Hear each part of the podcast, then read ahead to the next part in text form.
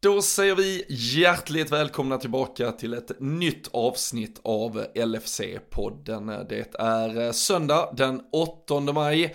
Det är dagen efter en första poängförlust i ligaspelet sedan vi mötte Chelsea i början av januari. Men eh, som ni alla såklart vet så är det två svidande poäng som eh, gör att toppstriden nu ser lite annorlunda ut i alla fall. När vi trycker igång det här så står det 3-0 till Manchester City mot Newcastle och det var inte länge man behövde gå och tro i sin vildaste fantasi att Newcastle skulle hjälpa oss. Men eh, vi ska såklart prata om allt det på Anfield igår, eh, det som nu händer här i denna titelstrid, det som väntar och allt som komma skall. Det är ju sannoliken mycket kvar att spela om ändå. Vi eh, vill väl också såklart, eh, jag får i alla fall lyfta på hatten och eh, tacka alla som kom till Storträff Syd i Malmö igår. Även om inte resultatet blev vad vi önskade så var vi drygt 200 pers som samlades och hade en eh, jävligt kul kväll. Så ja, det finns ju något i supporterskapet som är större än bara resultat ibland och det, det tycker jag fan är viktigt att vi också tar med oss. Men med de orden, med tack till Samdod som också dök upp och LFC Fotboll.se som alltid är med oss så tycker jag att vi ändå uh, gör detta lite trevligare genom att välkomna in Fredrik Eidefors i värmen.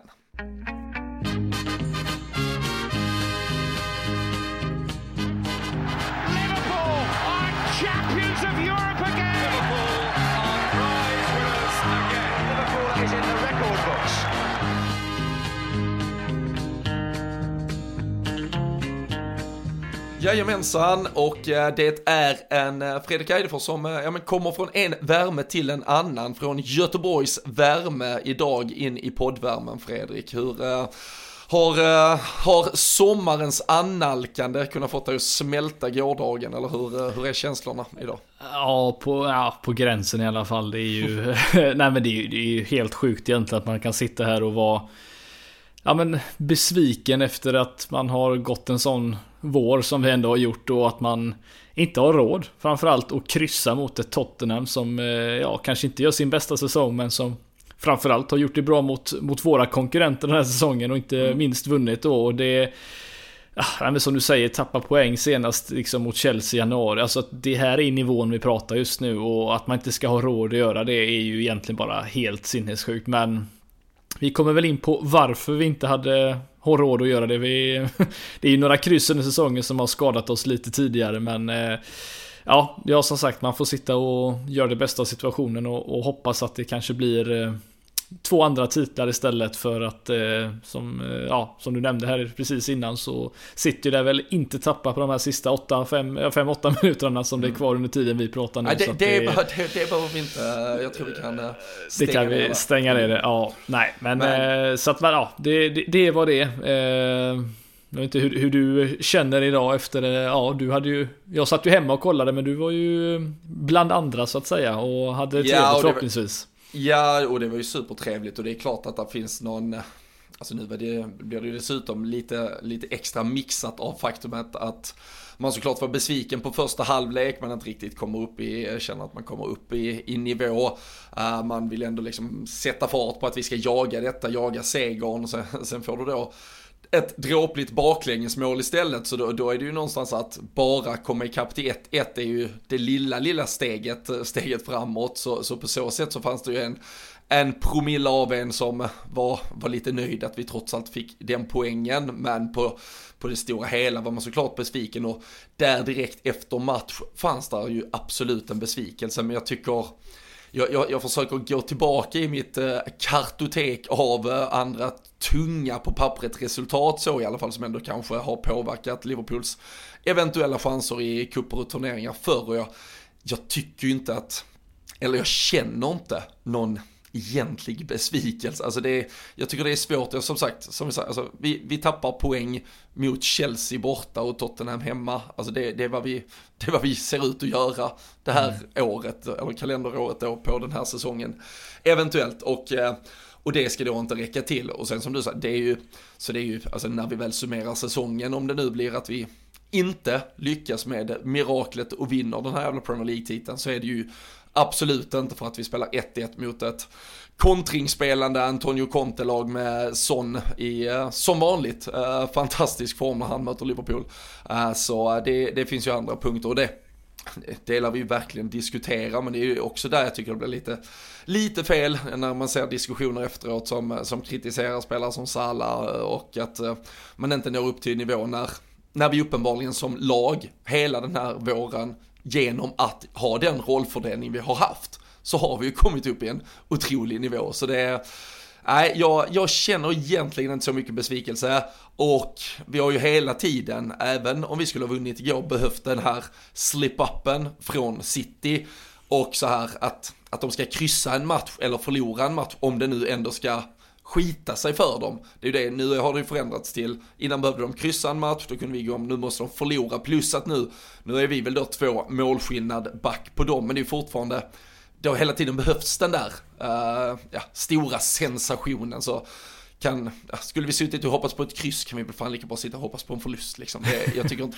ja men det har inte, det har inte förändrats jättemycket och jag Nej. känner inte att vi är mycket längre ifrån, eller alltså, jag kände nog snarare inte att vi var jättenära innan heller, det är väl det som Nej. är kanske problemet. Nej men jag, tro, jag tror att vi, vi har ju också konstaterat det, att vi har ju varit en gång under säsongen så långt ifrån att vi, vi satt ju här och avfärdade det ganska tidigt att vi inte kommer att vinna ligan och det var man liksom fine med på något sätt för att vi Ja, fine och fine, men det, man har accepterat det på något sätt i alla fall att ja, ja, City är så här bra, vi, vi har inte gjort vår bästa start kanske eh, i slutändan som vi kanske hade gjort, men nu, nu är vi här vi är och vi får sitta på andra ligatitlar, eller andra titlar istället, men det som intresserar, det jag tycker är fascinerande här är ju att man pratar ju som nu då, ja, vi kunde inte bryta ner det här lågt spelande Tottenham-laget och nej, det kunde vi inte göra, men största problemet den här säsongen har ju inte varit det, för det har vi pratat om tidigare, att hur, hur vi spelar mot lågt sittande försvar och hela den biten. Men den här säsongen har det ju faktiskt varit snarare eh, försvarsspelet i många delar och kanske till och med hålla ledningar som har varit det stora problemet. Så Ja, det är, det är ändå tufft att ta in på något sätt men eh, att vi ens sitter här och pratar om det i början av maj tycker jag ändå är rätt fascinerande med tanke på hur långt ifrån vi egentligen var en gång i tiden den här ja, säsongen. Det är, ja, det, det, det är bara det är sjukt men sen tycker jag så här 18-19 säsonger finns det väldigt mycket likheter med nu att vi jagar City och vi har en Champions League möjlighet här nu i slutändan och den säsongen, om du kommer ihåg, så fick vi ju en, en, en nick, Salah-nick till studs som gick in och vi vann med 2-1 och den här gången fick vi det inte. Och det är som sagt, man kan inte begära att vi gör det här varenda jäkla match som vi mer eller mindre har gjort nu och verkligen tar de poängen. Så jag sitter inte här och är liksom så besviken över det utan, eh, utan nej, det, det var det och vi, nu, nu kör vi på de andra fronterna helt enkelt. Och om man ska, alltså gårdagen, helgen när den summeras så är det såklart Liverpool har tappat två poäng. City har tagit eh, då ytterligare en seger, lite målskillnad. Men gårdagens resultat som kanske var mest intressanta för oss egentligen, och dagens, det är ju två 4-0 vinster. Det är ju att United förlorar mot Brighton, stort 4-0. Kul att alltid få det sagt också. Ja. Men i det här sammanhanget, eftersom att West Ham idag då också vinner med 4-0 mot eh, Norwich, var det väl, så är det ju så att West Ham som har två matcher kvar att spela, United har bara en match kvar att spela, West Ham är Tre poäng bakom United, men de har tio bättre i målskillnad. De behöver slå City nu nästa helg för att gå om dem och knipa en Europa League, gå om United och knipa en Europa League-plats.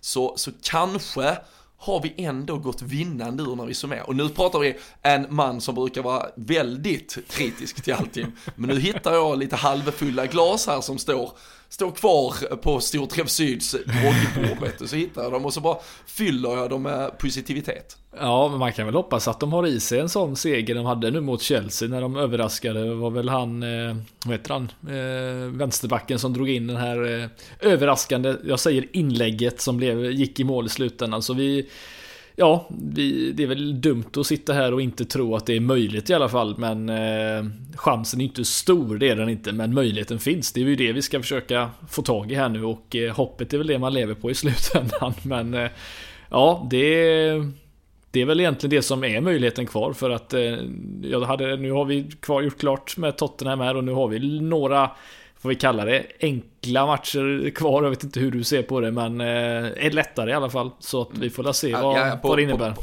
Nej, på pappret är det ju. Alltså, nu är det ju Aston Villa borta i veckan och sen är det Southampton borta. Uh, därefter det så avslutar vi hemma mot Wolverhampton medan City då har Wolverhampton uh, redan nu i veckan uh, är det väl borta och sen så mm. avslutar de med då West Ham borta också och sen hemma mot Aston Villa. Så det är ju lite likvärdigt, där är väl ett, no, någon tabellposition högre på det motståndet City har men det är ju inte det är inget de står och darrar över antagligen när de står i, i spelargången på, på väg ut. Men, men, jag säger Wolves har vi pratat om att det har varit en lite, de har hjälpt oss några gånger har vi pratat om. Men mm. det jag satt och tänkte på då det var ju att de, alla de matcherna har ju en, en, en sak gemensamt. Eh, och det är ju att Adama Traoré faktiskt Hans var den.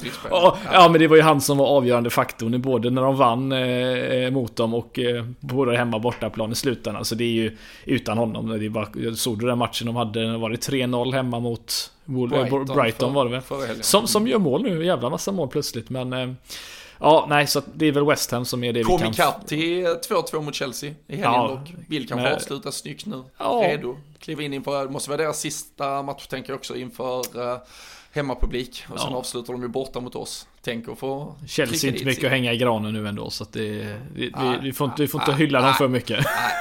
Det gör vi inte. Ja, men du vet, du, vi börjar tio minuter här puttar vi in lite positivitet i, eh, i folkets lungor. Så man ja, känner ja, ja. att man ändå orkar med att gå in i en, eh, i en ny vecka. Ta lite ta lite nya tag och, eh, och se vad vi kan åstadkomma. Men eh, vi får väl försöka oss på att ändå kanske prata lite om eh, det som skedde på Anfield igår Fredrik. Och det var ju ett, stundtals kanske lite för stillastående Liverpool, kanske lite tagna, jag vet inte, av någon form av allvarsstämpel, lite kanske också fundersamma kring den här eh, synnerligen då matchen med två halvlekar från Villarreal där man eh, kanske inte riktigt visste om man hade nivån i sig, vi hade roterat mycket då eh, helgen innan mot Newcastle så det var lite så här okej, okay, putting the band together och så nu, nu måste vi köra, nu börjar det här viktiga, viktiga eh, inför den här slutstriden. Men eh, ja, vad är, vad är din känsla av det vi fick se och, och fanns det något tydligt du, du tänkte på som vi borde ha gjort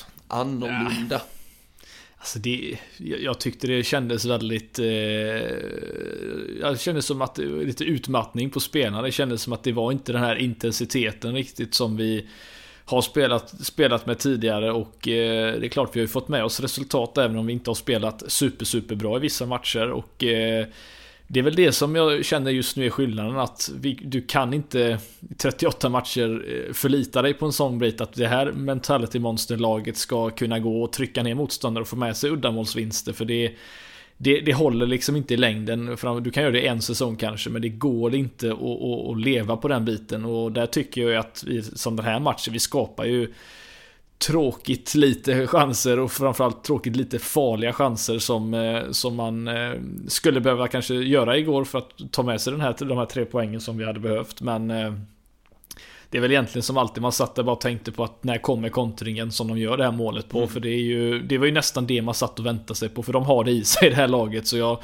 Ja, i enstaka matcher är ju Tottenham ett riktigt, riktigt farligt lag. Men eh, över 38 matcher så ska vi ju vara det bättre laget och det är vi ju. Men i de här enstaka matcherna så, så måste vi vara på tårna för eh, det är ju bara att se vad de gjorde med City i slutändan. Det finns mycket kvalitet men eh, jag vet inte om du känner samma men det är tröttsamt. Eh, såg inte så himla eh, titeljagande ut på något sätt men eh, man kan ju inte heller förvänta sig att man ska göra det i hur länge som helst för det har vi gjort nu en hel ett helt, ja ett halvt år mer eller mindre nu som vi har gjort detta. Men eh, ja, ja, jag vet inte hur du känner kring det hela.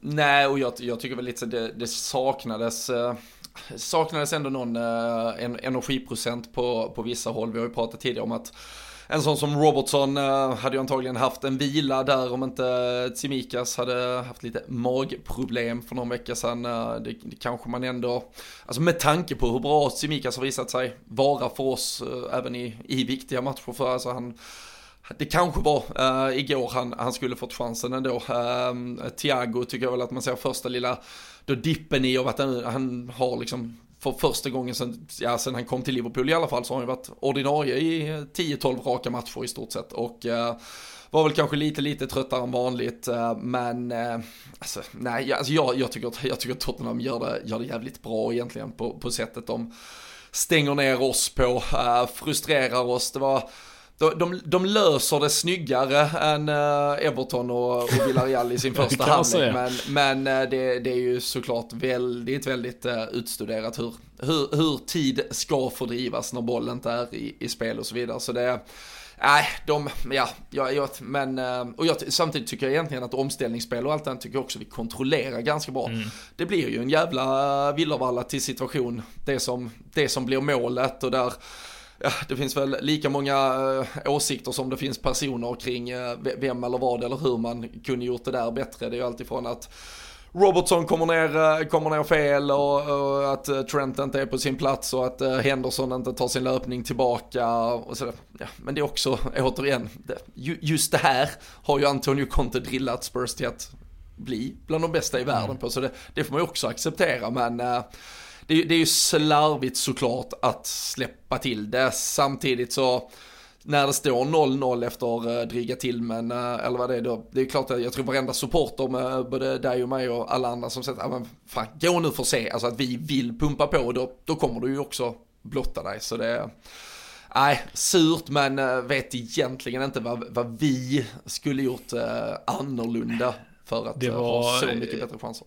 Nej, men du, det, jag känner problemet igår, i alla fall i anfallsbiten om vi tar den, är ju att nästan alla, eh, ska vi säga, eh, tankar eller liksom utförande av, eh, av ett anfall exempelvis. Det kändes som att det alltid var ett fel, eh, felavgörande val. Eh, det fanns så många situationer då en spelare som sköt skulle kunna passa till eh, bättre lägen. Eh, Sala inte minst som... Till eh, Luis Diaz där. Ja, och sen har vi ju Trent i slutet av matchen som inte får sin passning när han lätt skulle ja. få den också. Det, det, det är sådana här situationer som är så lätt att sitta och kolla på i efterhand och det är klart att nu gör vi ju målet genom att vi faktiskt skjuter eh, mot målet och den är lyckligtvis studsar in men det var ju alldeles för många chanser då spelarna ville bli matchavgörande hjältar. Vilket eh, såklart är kul att man har spelare som vill, vill vara hjälten. Men i det här fallet så behöver vi inte en hjälte. Vi behöver ett helt lag som gör rätt beslut för att man ska kunna ja, ta sig förbi det här Tottenham-laget. Och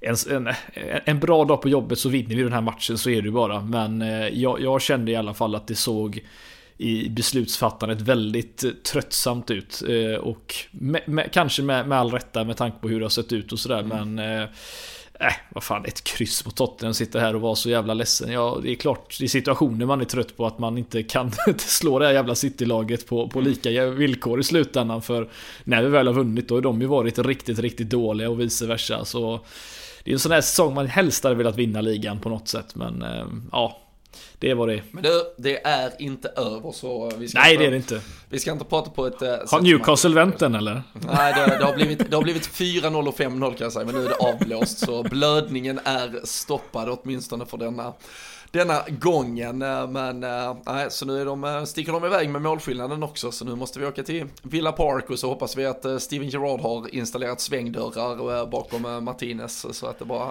rinner in bollar där. Hade inte vi jätteförsprång på City för några omgångar sen i mål? Jo. Men, rätt, rätt, rätt många till och med. De har ju vunnit varenda match med.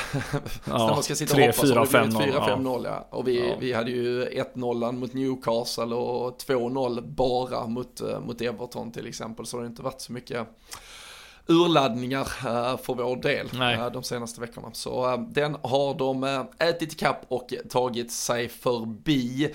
Um, jag tänker vi ska, vi ska återkomma lite till, till Mohamed Salah, men just bara hur tror du att att spela, alltså såklart, det varenda spelare har varit ute i, i media och sagt att vi, vi tror på det fortsatt och nu, nu knyter vi näven, nu kör vi. Både för spelarnas del, Klopps del, uh, vi, vi ska prata Aston Villa och det som väntar, men hur tror du de tänker nu här med tanke på att det också är en fa Cup-final nästa helg på lördagen? Um, går man fortfarande, eller kommer den här, blir det typ en Newcastle-uppställning här mot Aston Villa på tisdag? Uh, för att ändå börja omfördela resurser inför eh, de cupfinalavgörandena där vi faktiskt kan vinna titeln direkt genom att göra en insats på egen hand. Ja, alltså nu, man måste ju nästan eh, riskera lite här nu för att eh, vinna eh, på, på, flera fronter om det nu går att göra. Så det, det ska man försöka vinna både liga eller FA-cupen och hålla sig kvar så kommer vi behöva rotera förmodligen lite men risken med det är ju att har man väldigt otur så går det inte väl någon av dem och då kommer ju alla bara sitta och prata om varför riskerar ni den här när ni ändå är med liksom. Det är i liga, ligaracet så det jag tror inte man kan inte göra rätt här på något sätt för det kommer alltid finnas eh, någon liten procent som sitter och säger att man borde gå samma elva hela tiden men med tanke på hur det såg ut nu då mot eh, Tottenham så finns det nog en risk att det är fortfarande lite trött på, på vissa spelare så jag hoppas väl att vi får se lite förändringar eh, likt så som vi gjorde mot Newcastle. Kanske inte riktigt så många men... Eh, ja för där var det ändå ett gäng om vi säger så. så ja. Ju, mm. Ja, Nej men jag tror att vi är två, tre spelare kanske som byts ut möjligtvis. Det, det är väl något sånt vi kanske kan se men eh, nu är det så lite matcher kvar. Jag tror att spelarna går väl in i något sånt här Ja men du vet när man pratar om överskottsenergi på ungarna liksom. Att ja. nu, nu, nu går spelarna på energi som egentligen inte finns men kommer ifrån att man är, är och utmanar dem flera platser samtidigt. Ja, vi, vi, eh, jag, jag, tror också det. Vi, eh, vi kommer till det ytterligare. Vi ska, vi ska följa upp på det. Men eh, Mohamed Salah, eh, jag, jag, var lite, eh, alltså det, det, är ju klart man, det är bara att titta i målkolumnen att den inte fylls på lika snabbt som den har gjort tidigare och sådär. Men jag var, jag var ändå överraskad att det blev en så stor diskussion kring hans att, eh, ja, mycket av att vi inte vann kändes det som att det kanaliserar man på att, eh, fan Mohamed Salah, var är, var är dina jävla mål som du alltid har gett oss? Och, och sen uh, börjar man göra, göra höna av en fjäder till att uh, ja, men hela hans 2022 har ju varit dåligt och han är ju inte sig själv och ska, är det läge att förlänga kontrakt och man börjar, börjar se den ena sjukare taken efter den andra. Uh, hur hur ställer du dig i frågan, eller eh, då, det, till det eventuella frågetecknet eh, kring Mohamed Salah? Är det, alltså, det är klart att han ska vara öppen för kritik, det, det ska alla, men, eh, men är det, och så säga, är det ens läge efter alla de här vinsterna och då bara en tappad poäng eller två tappade poäng i, i ett kryssmöte att börja leta någon form av syndabock i detta? Nej, alltså, jag tycker ju inte det. Men det är, det är klart att eh, folk glömmer, av, eh, eller glömmer bort väldigt lätt att Mohamed Salah är precis som vi. Eh, en människa och han har haft otroligt eh, ja, men svår period kanske det här året med tanke på vad som hände i Afrikanska mästerskapen och, och VM-kval och liksom Han har förmodligen gått igenom en hel del som, som vi som supportrar kanske inte sitter och tänker på på samma sätt. Vi ser ju bara honom i Premier League många och tänker att varför gör han inte sina mål som du nämner? Och det, jag tror det mycket väl har påverkat honom i slutändan. Eh, och man kan inte heller hålla den nivån över en hel säsong som han gjorde i början för det det, det, ska väldigt mycket till. Framförallt när vi spelar så rekordmånga matcher som vi gjort den här säsongen och, kommer att göra i slutändan. Så det är, jag tycker inte det är rätt kanske att sitta och kritisera den biten men Det man bör sitta och prata om det är just att han sen han eh, började kanske känna Sonny i, i ryggen lite där så, så, så, tycker jag att han har tagit en hel del felbeslut. Det har varit skott när han absolut ska passa och det är väl det som kanske är hans största svaghet just nu och den här säsongen. Det är att han helt enkelt väljer lite felbeslut ibland. Men du kanske skulle omvända på den och säga att ja, men det är samtidigt därför han har gjort 20 plus mål, liksom 22 eller vad han har gjort nu. Och det är, det är mycket väl att det kan vara så, men jag tycker att han inte ser ut som den eh, lagspelare som han eh, har gjort tidigare. Och jag tror att det är eh, kruxet att han hela tiden kanske pratar om att han ska göra sina 40 mål den här säsongen. Det, mm. det, jag hade gärna sett honom vara en, en, en, en medspelare på ett annat sätt. För att jag tror vi hade vunnit fler matcher, men hur han ska komma i målkolumnen mer, det vet jag inte för han, eh, han ser inte ut att hamna i samma lägen som han gör tidigare. Nu är han ju en framspelare istället och har väl gjort mer assist än mål de senaste matcherna känns det som i alla fall. Så äh, ja, jag vet inte det, vad du känner själv men... Nej, och det där, alltså, du, du är inne lite på det som uh, jag tycker är, blir problemet. För han kritiseras för att han inte gör mål. Han kritiseras för att han typ tar avslut eh, i fel, det vill säga försöker göra mål. Mm. Sen i slutändan, när man summerar allt, då tittar man, ja men det är, fast det är ju han som gör fler assist än alla andra just nu. Så, så uppenbarligen så, så tar han ju inte bara felbeslut, han tar ju uppenbarligen en jävla massa bra beslut också som leder till att andra gör mål. Alltså det, jag tycker det blir fel, jag tittade på det, på våra, våra senaste nio eh, skapade eh, målchanser så är det han som, eller så här eh, heta målchanser, ja du vet mm. hur man idag eh, tittar på eh, olika listor och statistik. Då är det han som har skapat så här clear cut chances typ. Då är det han som har skapat fyra av de här nio till medspelare.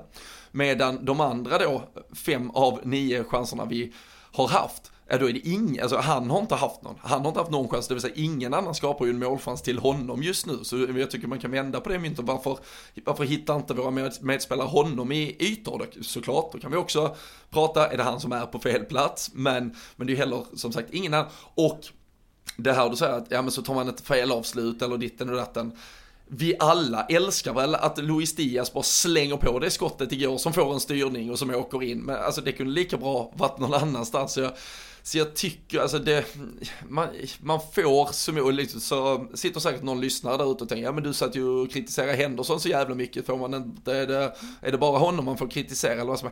Jo men det var ju en kritik byggd på kanske en, att jag hade velat ha en debatt kring, är han rätt att spela? För jag tycker nog att Naby Keita ska spela istället, eller att man har motbud. Det är det jag tycker blir så fel i hela den här Mohamed Salah-diskussionen också, för folk vill bara spy galla på Salah, klagar då på att han inte gör mål, han gör inte ditten, han gör inte datten. Sen är det så här, okej, okay, ska någon annan spela istället? Nej, han ska spela hela tiden. Okej, men vad är det då vi diskuterar? Alltså sen så här, jag hoppas att han ska twerka till för för en liten, eh, få tillbaka den där glöden, ditten, datten, kunna sätta passningen bättre. Det är klart jag också står och skriker när han inte frispelar Luis Diaz situationen, det är den jag tänker mest på till exempel igår. Mm. Men jag tycker, jag tycker det blir jävligt märkligt när du har en spelare som gjort flest mål i ligan, flest assist i ligan, ditt lag kan vinna alla titlar när det är två och en halv vecka kvar att spela av säsongen, eller tre veckor. Och eh, nej, det, jag, jag, jag tycker det blir jätte, jättemärkligt att ja, Hens, men det, Ja men det är lite som att de vill att han ska assistera och göra mål på samma gång liksom. Det går inte, du måste kunna göra någonting av det och jag tror att väldigt mycket kan också grunda sig i att Firmino har inte spelat lika mycket, han har varit skadad, han är en spelare som droppar eh, ner och, eh, och playmakar väldigt mycket. Nu har ju Salah fått göra det istället och har gjort det väl med tanke på att det är nog ändå några assist han har alltså kommit alltså, upp i. Han, så att, han, eh... han gör assisten mot, eh, till, till Robertson som ger oss 1-0 mm. förlösande mot, eh, mot Everton. Han gör assisten till Mané som ger oss en 2-0-ledning från Villarreal-mötet hemma som ger oss ändå en trygghet in i en Champions League-final kanske. När det står som allra värst och vi ligger under med 2-0 i eh, Spanien, ja då är det han som assisterar Fabinho fram till att vi, vi gör mål också. Så jag, jag, jag tycker det blir så jävla märkligt. Och, och också det här när man klagar på att någon inte gör mål, det köper jag ifall hela laget hade gått helt eh, torrt på mål, att det är liksom tredje raka matchen när vi inte får in den och det är ändå Mohamed Salah som har otroligt mycket boll och han som är, kommer i lägen hela tiden och så blir det lite kladd, eh, liksom bara skit av allting. Men nu istället gör ju Sadio Mané mål från sin centrala position. Luis Diaz har kommit in och han tar ju och kräver mycket mer boll som du säger, än om vi spelar en annan typ av fronttrio därifrån, vilket gör att Salas roll i detta blir annorlunda. Vi fortsätter att göra lika många mål nästan som lag och det, liksom, det, det är tre här och två där och fyra där.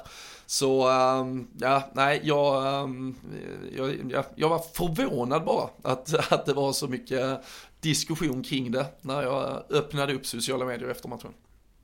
Ja, nej, jag, jag, jag förstår vad du menar. Det är jag vet inte heller riktigt vad, vad, han, vad den här mannen ska behöva göra för att inte liksom få, få skit för, för allting. Det är klart, han, han spelar ju inte dåligt, det gör han ju inte. Han är ju inblandad i, som du säger, i nästan allting. Han är anledningen till att vi skapar lägen och till slut kanske gör mål. Men det är väl det att han, han har varit inne i sådana här streaks ibland när han gör 1 plus 1 eller han, sen gör han två mål den här matchen och, och att han är framme och nosar. Nu verkar han inte riktigt vara kanske ha de här sista eh, superfarliga lägena som kanske har haft tidigare där han då har gjort målen och om det har att göra med att vi inte kommer till samma lägen eller om lagen ställer upp mer defensivt. Svårt att säga men man kan inte sitta och liksom eh, Spygalla på honom för att han inte har gjort Ligger på 35 mål just nu när han kanske som han kanske hade gjort om han hade varit i form. Det vet man ju aldrig men det är och, och mycket, ja. mycket av vårt spel de senaste, alltså vi har ju pratat vecka efter vecka nu om lag som kommer för att spela cyniskt och stå väldigt, väldigt eh, djupt och bara vänta på oss. Ja, ytorna blir ju mycket mindre för, för en Mohamed Salah och istället så har vi ju då kanske kunnat hitta in med ja, vid lägen i en, i en uppflyttning av en backlinje hitta in med ett äh, inspelade inlägg på vår centrala forward i, i fallet Mané där vi har skapat en annan typ av anfallslägen eller målchanser. Luis Diaz som alltid går väldigt, väldigt brett och, och tar ner bollen och driver in den på ett sätt där Salah ofta kanske istället har ett, ett överlapp med, med Trent när han kommer. Alltså, så det är ju det är en rollfördelning och ett, ett annat, eh, ja, vi, vi behöver anfalla mot andra typer av lag. Vi har en annan typ av anfallsformation i, i det vi spelar nu. Målen kommer antagligen fördelas på andra sätt och eh, at the end of the day så måste det egentligen vara bättre att över en en, ett par veckors eh, period så, så gör Luis Diaz, Mané och Salah 3, 4, 5 mål var. Än att det är Mohamed Salah som gör 12 och Firmino och Mané gör vars ett liksom. Så det, mm. ja, det är... Nej men du, Diaz som du nämnde, han har ju faktiskt kommit in, inte bara bra i laget, men han har ju, han, han, han kräver mycket boll också. Han är Eh, Eh, en spelare som, som har mycket mer boll än vad, vad, vad kanske Salah har just nu. Det känns som att Diaz är den som liksom eh, sköter anfallen nu för tiden. För han hela tiden är inblandad och väldigt far ut på kanten där. Och det är klart att det har ju tidigare alltid varit, eh, varit Salah. Så att det är klart det kanske är därför han hela tiden försöker se på lite avslut i fel lägen. För att han känner att han får nog inte bollen lika mycket som han haft tidigare. Men eh, det är ju som sagt laget som är det viktiga i slutändan och nu har det ju gått bra och det är ju tack vare honom såklart också. Inte bara, eh, bara honom, men det finns en, en stor faktor till att vi är där vi är idag för att han har, även när han inte gjort mål, varit den avgörande faktorn. Så Nej, det är fortfarande bara att ge honom ett kontrakt för att det ska han ha. Men, eh, och han kommer eh, göra mer mål framöver, det är jag ganska säker på. Ja, det hoppas vi verkligen och ehm, eh, därmed stänger vi eh, diskussionen eh, kring Mohamed Salah för nu. Eh, tabelläget är vad det är alltså. Vi har ju i realtid följt upp med eh, Citys eh, då pulverisering av Newcastle, det är ett trepoängs försprång de har när vi går in inför de tre sista matcherna och eh, först ut för vår del är ju då alltså eh, Aston Villa på bortaplan. Eh, Steven Gerrard satt på presskonferens här Fredrik för någon vecka sedan direkt efter att Klopp hade signerat sitt nya kontrakt och eh, han var ju ja, men glad som en liten, ja, men som en annan liten barnunge nästan på julafton när man, eh, han fick ja, men hade fått informationen om att Klopp skulle stanna i Liverpool. Vi har ju pratat mycket om den här eh, 2024-dealen som nästan ser ut att ligga där på bordet med Klopp eh, vidare på andra äventyr. Gerard kanske var eh, redo att kliva över, men han sa ju, det är egentligen alla Liverpool-supportrar säger att, äh, men jag är ju bara, bara glad att vi har världens bästa tränare och att han, han stannar hos oss äh, som, ja, han talar ju som den supporter han trots allt är och han var ju också noga med att han, han önskar ju Liverpool all lycka i både titelrace och med alla finaler och allt annat som väntade dem. Men eh, var ju tvungen också att eh, poängtera att hans lag skulle ha en väldigt, väldigt stor del att spela i det här titelracet. Eh, vi eh, möter ju dem nu här och så möter de ju då City på ehm, Etihad i sista omgången. Ehm, men det är ju ett Villa, Fredrik, som har blandat och eh, gett på senare tid. Uh, Philippe Coutinho eh, kom ju in och ja, men han satte ju skräck i varenda jävel på de brittiska öarna och det var show och hela faderullan direkt. nu i helgen fick han börja på bänken. Då var det en annan gammal Liverpoolare, Danny Ings istället, som, som fick chefa lite där fram. Men ett Villa som inte har någonting att spela för egentligen. De vilar ju som sagt Coutinho från start, han kanske går in i startelvan igen. Men eh, hur, eh, hur tufft och jobbigt tror du det blir när vi åker till eh, Villa Park på tisdag? Alltså det är en tuff match, det, det är det ju. De har en hel del kvalitetsspelare som man absolut inte ska, ska skoja bort egentligen så sett. Så att jag, det är klart, och det är som sagt, även om vi inte har någonting att spela för så att möta Liverpool är stort för många och eh, vare sig om Ings eller, eller Coutinho eller Gerard vill att Liverpool ska vinna mot City i slutändan så kommer de ju inte komma in och visa det på planen utan eh, det kommer bli en, en tuff match. Eh, en bortamatch som vi såklart bör vinna med tanke på vilken sits vi är i men eh, det finns ju några slip-ups möjligheter såklart i sådana här matcher det finns så höga kvaliteter på motståndarna och det ska man faktiskt inte ta allt för lätt på men eh, jag tror väl i det här fallet att de har, som de inte har så mycket att spela, alltså motivationen att inte ha så mycket att spela för. Det är, det är annorlunda för ett lag men Samtidigt, jag vet inte hur du, hur du känner, men ett lag som inte har något att spela för, du kan ju spela lite roligare, du behöver inte tänka så mycket på allting och det kan ju både vara gott och ont för, för oss, men eh, förhoppningsvis så är det en, en match som vi ska kunna ta hand om ändå. Ja, jag, jag satt exakt när, när du började utläggningen kring det där så tänkte jag exakt så här, Det känns som att man alltid använder, när man själv ska möta ett lag, eh, oavsett om de då har något att spela för eller inte har något att spela. Har de något att spela, är det man själv som är motståndarlaget, då är det ah, de har ingenting att spela för så de kan ju de kan bara spela ut, liksom. de kan spela sitt spel, det, det blir livsfarligt och har de något att spela för så är det bara, ah, de har så jävla mycket att spela för, då, det, vi kommer inte ha en chans. Liksom. Men när det hade det varit City som då skulle möta Vild, då är det bara, ah, de har inget att spela för, vilket jävla skit. Alltså det, det blir för lätt för City. Eller, äh, men de här, de, de har så mycket att spela för så de blir, kommer vara nervösa, det kommer låsa sig. Så det, man, man märker, man ändrar ju alltid ingångsvärdet utifrån om det är det en själv som står inför uppgiften då, då har man alltid fått sämsta tänkbara. Är det någon annan så är det, känns det ju givet att de kommer lösa det uh, utifrån vad mm. som bjuds. Men um, det vi pratade lite om innan då kring att tänka Chelsea och fa Cup-final redan på tisdag. Uh, Costa Simicas uh, eh, droppar jag som ett namn. Roberto Firmino var ju äntligen tillbaka i träning, var aktuell för matchtruppen, kom inte in. Men uh, skulle kunna vara ett namn för en startelva i ja, men en sån här lite då mellanmatch. Uh, Diogo Jota som dock, ska vi prata spelare som är lite under isen, känns ju han snarare i den kategorin kanske. Och eh, ja, men annars, eh, några mittfältsförändringar kan man väl föreställa sig i alla fall.